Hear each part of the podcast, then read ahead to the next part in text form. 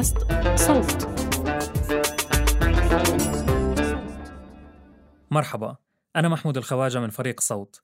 بنشارك معكم في حلقة هذا الأسبوع إحدى حلقات صفحات صوت.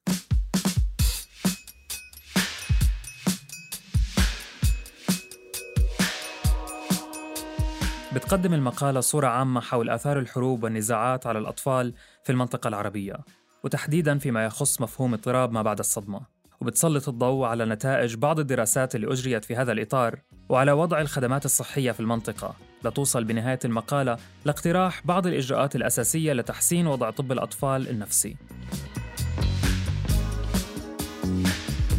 بهاي الحلقة منختم موسم المستجد. كونوا معنا في الموسم القادم قريباً. وقبل ما أترككم مع المقالة تركنا لكم رابط بالوصف. بإمكانكم تفوتوا عليه لتتعرفوا أكثر على خدمة صفحات صوت وكيفية الاشتراك فيها. استماع ممتع.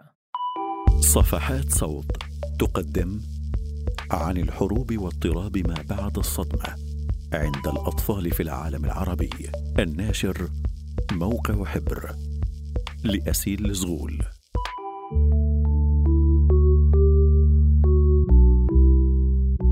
يمكن القول إن دراسة الآثار النفسية للحروب قد بدأ بالتبلور منذ نهايات الحرب العالمية الأولى. وازدادت هذه الدراسات عددا وأهمية خلال السنوات اللاحقة. وقد بات من المسلم به بين معظم علماء النفس والمختصين أنه ورغم كون الحروب وما ينتج عنها تؤثر على الراشدين والأطفال على حد سواء إلا أن آثارها من هذه الناحية أكثر خطورة على الأطفال. لعدم قدرة الأطفال على التأقلم والتعامل مع الظروف الاستثنائية حيث إنهم لم يطوروا بعد القدرات العقلية والنفسية اللازمة لتجاوز الأزمات وآثارها مما يسبب تبعات صحية سيئة. بينها تأخر النمو بمختلف أشكاله التطورية من حركة ولغة وقدرات اجتماعية بالإضافة إلى المشاكل السلوكية والشعوريه في دراسة أجريت عام 1992 في لبنان وجدت الباحثة منى مقصود من جامعة كولومبيا أنه وبالإضافة لما تخلفه الحرب من آثار نفسية فإن العوامل اللاحقة والتابعة للحرب مثل الفقر وانعدام الاحتياجات الأساسية تتسبب بمزيد من الصدمات النفسية لدى الأطفال وتؤخر نموهم الطبيعي وتطورهم. يتعرض الملايين من الأطفال والمراهقين حول العالم للحروب وتبعاتها بشكل يومي. فبحسب تقديرات الأمم المتحدة قتل خلال السنوات الأربعين الماضية في الحروب أكثر من مليوني طفل وتعرض أربعة إلى خمسة ملايين طفل لإصابات جسدية أو إعاقات دائمة وطرد 12 مليون طفل من منازلهم. ويعد العالم العربي واحدا من أكثر مناطق النزاع اشتعالا في العالم حيث شهدت المنطقة أكثر من بؤرة صراع فمنذ احتلال فلسطين عام 48 للاجتياح الأمريكي للعراق والاجتياح الإسرائيلي للبنان وقبلها الحرب الأهلية اللبنانية وما تشهده المنطقة من صراعات في سوريا واليمن وليبيا. فما الذي تنبئ عنه هذه الأوضاع؟ من ناحية الصحة النفسية. وما الذي تقوله الإحصاءات في وطننا العربي عن الوضع النفسي للطفل العربي؟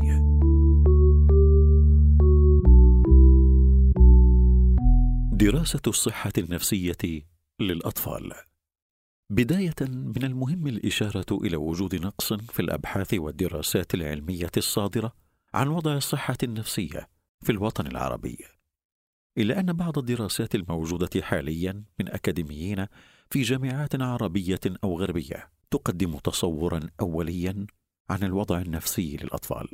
نجد كذلك أن الدراسات المتوافرة تتحدث باستمرار عن نقص في المعلومات والدراسات أو انعدامها في دول مثل اليمن وليبيا لكن تبقى هناك إمكانية لتقدير الوضع النفسي قياسا على ظروف متشابهة خصوصا أن الدراسات العلمية الموثقة لأثر الحروب حول العالم واسعة الانتشار.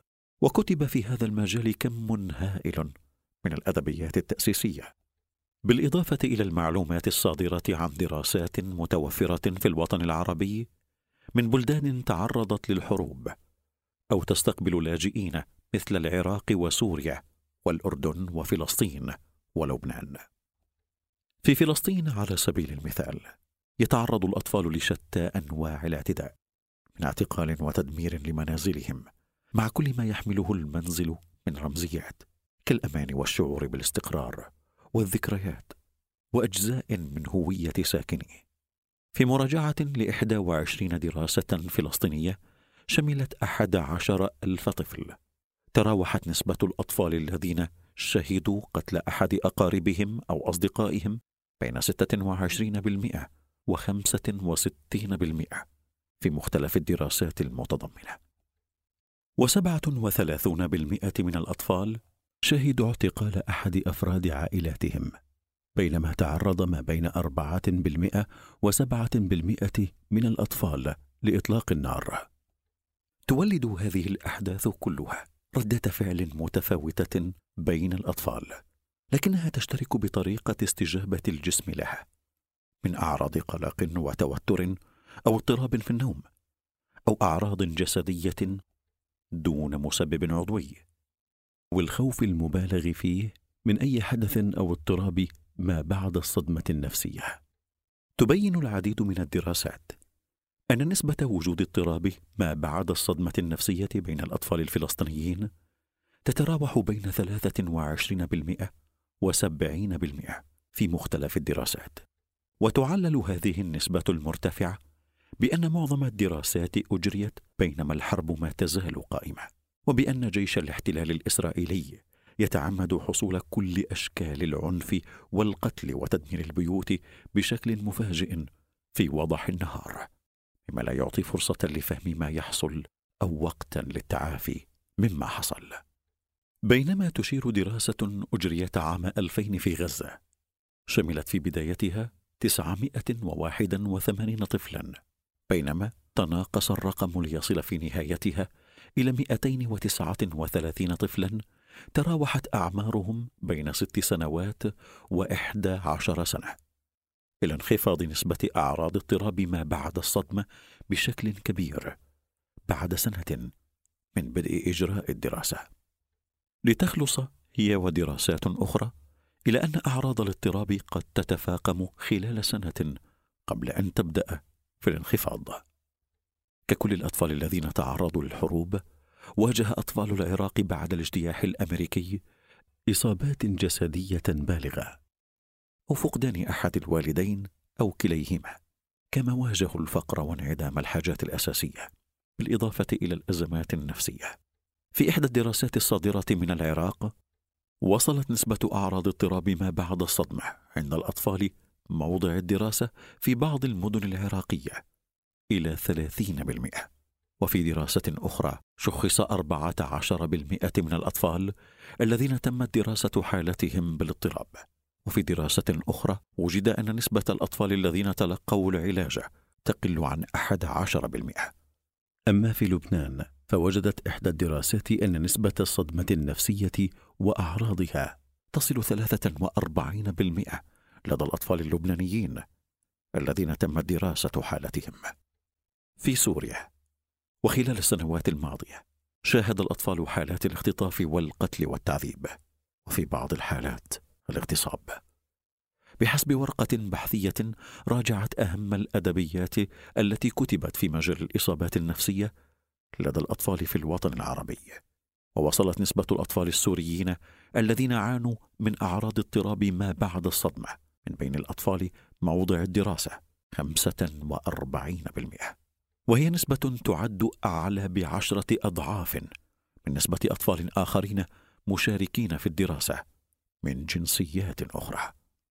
وفي دراسة أجريت على الأطفال داخل سوريا في اللاذقية ودمشق عام 2018 وشملت ما يقارب 400 طفل. ظهرت أعراض اضطراب ما بعد الصدمة عند 35% منهم. في الأردن وفي دراسة أجرتها الدكتورة رنا الدجاني كانت نسبة هرمون التوتر الكورتيزول أعلى بشكل ملحوظ لدى اللاجئين السوريين من أقرانهم الأردنيين. رغم أهمية هذه الإحصاءات والنسب وما تقدمه من إشارات للوضع النفسي للطفل في العالم العربي ومدى حاجتنا إليها في ظل ما تعانيه منطقتنا من حروب. إلا أن من المهم التطرق لمدى دقة هذه الإحصاءات ومعانيها. فمثلا عندما نقول إن سبعين بالمئة من الأطفال يعانون من أعراض اضطراب ما بعد الصدمة فهل يعني ذلك بالضرورة إصابتهم به؟ في الحقيقة يعتمد الجواب على عدة عوامل. لكن يمكن القول اجمالا إن هذه النسبة لا تتوافق بالضرورة مع أعداد المصابين على أرض الواقع. ويرجع هذا الاختلاف بين الإحصاء والواقع إلى عدة أسباب. أهمها اولا أن العينة الإحصائية تؤثر على النتيجة البحثية. وكلما تضمنت الدراسة عددا أكبر من الأطفال تم اختيارهم بطريقة عشوائية تكون النتائج أكثر دقة. فمثلا تعمد اختيار أطفال مشخصين مسبقا أو أطفال يسكنون في أماكن آمنة يؤثر على نتائج الدراسة ومدى دقتها. ثانيا طريقة التشخيص المستخدمة عادة في الأبحاث تعتمد على أدوات بحثية لا على أدوات تشخيص سريرية أو أنها أصلا أدوات تقيس الأعراض ولا تجزم بالتشخيص. وهذا السبب عادة ما يذكر ضمن محددات الدراسة. وثالثا رغم وجود عدد جيد من الإحصاءات لكن ما زالت المنطقة بحاجة لعدد أكبر من الدراسات مما يمكننا من إجراء مراجعة أدبيات تخرج بنتائج أكثر دقة وأقرب للواقع.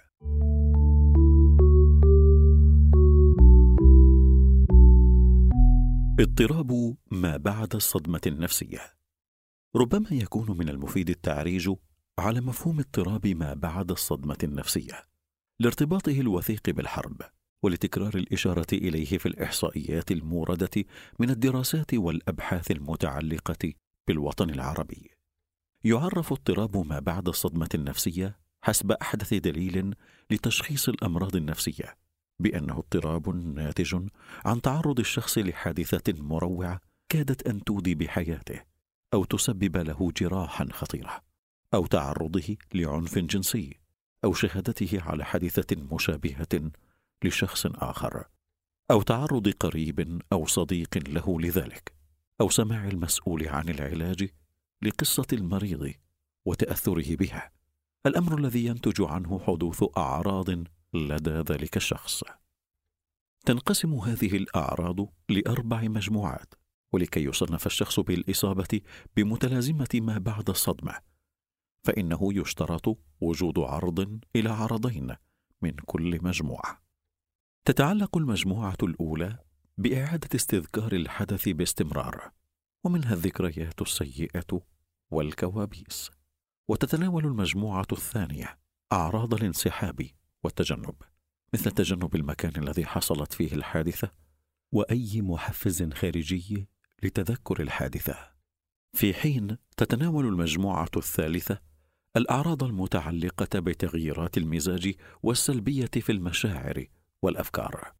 وأخيرا ترتبط أعراض المجموعة الرابعة باليقظة والتحفز الدائمين وما ينتج عنه من صعوبات في النوم والتركيز وصعوبات أخرى. كذلك ولكي يتم تشخيص شخص ما بالمتلازمة فإنه يتعين استمرار هذه الأعراض لمدة شهر على الأقل وتسببها بتعطل في حياة المصاب. ولا تكون بسبب أمراض أخرى أو استهلاك بعض الأدوية والمواد الإدمانية. وتختلف شدة الأعراض من شخص لآخر ومن وقت لآخر. لكنها كذلك قد تتفاقم ويصاحبها الاكتئاب والقلق والتفكير بالانتحار. عادة ما يكون علاج هذا الاضطراب إما بالعلاج النفسي كالعلاج الإدراكي السلوكي أو العلاج بالصدمة والتعرض أو العلاج بالأدوية أو الدمج بينهما. ويهدف العلاج إلى تحديد الأعراض المعطلة وتعليم المريض بعض التقنيات للتعامل معها والتفكير بشكل أفضل بنفسه وبصورته الشخصية. يحيل الحديث عن علاج حالات اضطراب ما بعد الصدمة إلى حاجتنا لتوافر الخدمات النفسية المتخصصة للبالغين والأطفال حيث يواجه العالم عامة نقصا في تلك الخدمات وفي أعداد المختصين نسبة لعدد السكان والمصابين. فما الذي تخبرنا به الإحصاءات عن وضع الطب النفسي وخدماته في العالم العربي خصوصا في البلدان المتأثرة؟ بالحروب.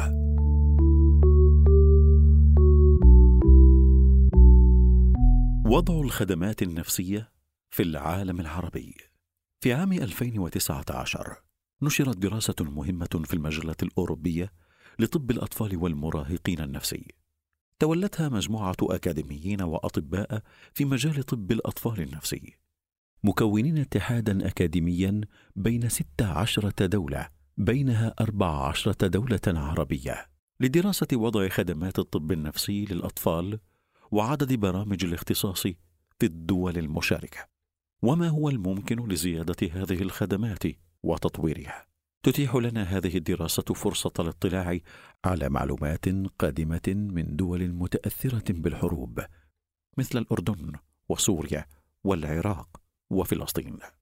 بداية من بين خمس عشرة دولة حيث تم استثناء اليمن لعدم توفر المعلومات يوجد في أربع عشرة دولة من بينها الأردن وسوريا والعراق وفلسطين برامج تدريب وطنية في الطب النفسي بعد التخرج من كلية الطب.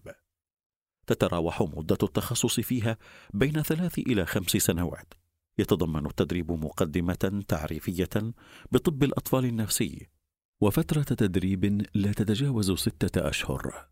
تشير الدراسة إلى أنه في كل من الأردن وسوريا وفلسطين ليس ثمة أقسام أكاديمية متخصصة في طب الأطفال النفسي وتابعة لإحدى المؤسسات التدريبية أو الأكاديمية. ومن بين المعلومات التي أوردتها الدراسة عن واقع خدمات الطب النفسي للأطفال في أربع دول عربية في العراق بلغ عدد الأخصائيين النفسيين 250 طبيبا مقابل ما يقارب 38 مليون عراقي. في حين لا يوجد أي أخصائي نفسي للأطفال بمعنى طبيب لديه شهادة بورد طبي بالاختصاص الدقيق لطب الأطفال النفسي أي الاختصاص الفرعي الذي يتدرب عليه الطبيب مدة سنة إلى سنتين بعد إنهاء الاختصاص العام وبعد التخرج من كلية الطب. أما في فلسطين فيوجد 33 طبيبا نفسيا مقابل ما يقارب خمسة ملايين فلسطيني. في حين يمتلك واحد منهم فقط شهادة اختصاص في الطب النفسي للأطفال. وفي الأردن يوجد سبعون طبيبا نفسيا لما يقارب عشرة ملايين أردني. لا يملك أي منهم شهادة اختصاص في الطب النفسي للأطفال.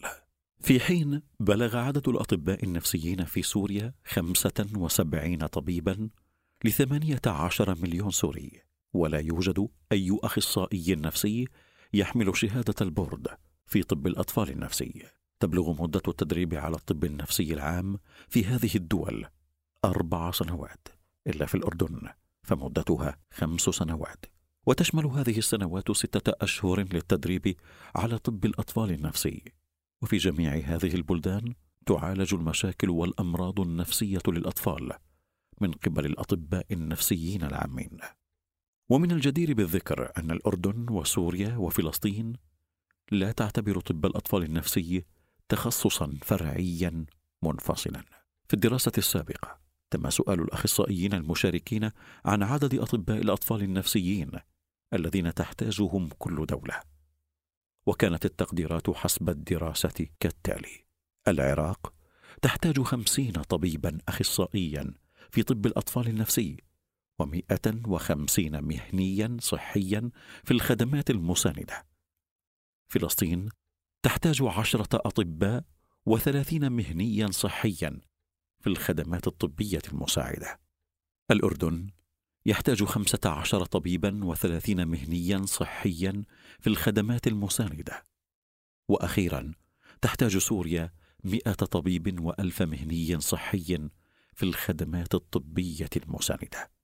من الإحصاءات السابقة نستطيع أن ندرك حجم النقص الحاصل في الطب النفسي عموما وقلة الخدمات التخصصية في مجال طب الأطفال النفسي في البلدان المشار إليها من العالم العربي. إلى انعدامها. هذه الإحصاءات تخبرنا كذلك عن نقص الخدمات لاضطرابات نمو تطورية مثل التوحد واضطرابات سلوكية أخرى كفرط الحركة وهي مشاكل يعاني منها عدد من الأطفال في أي بلد دون الحاجة لوجود حروب أو أزمات.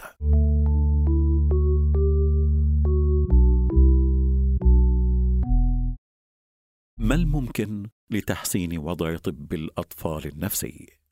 ثمة خلاف حول المعايير التي يتم على ضوئها اعتبار تخصص ما تخصصا منفصلا يتطلب توافر برامج تدريب مستقلة.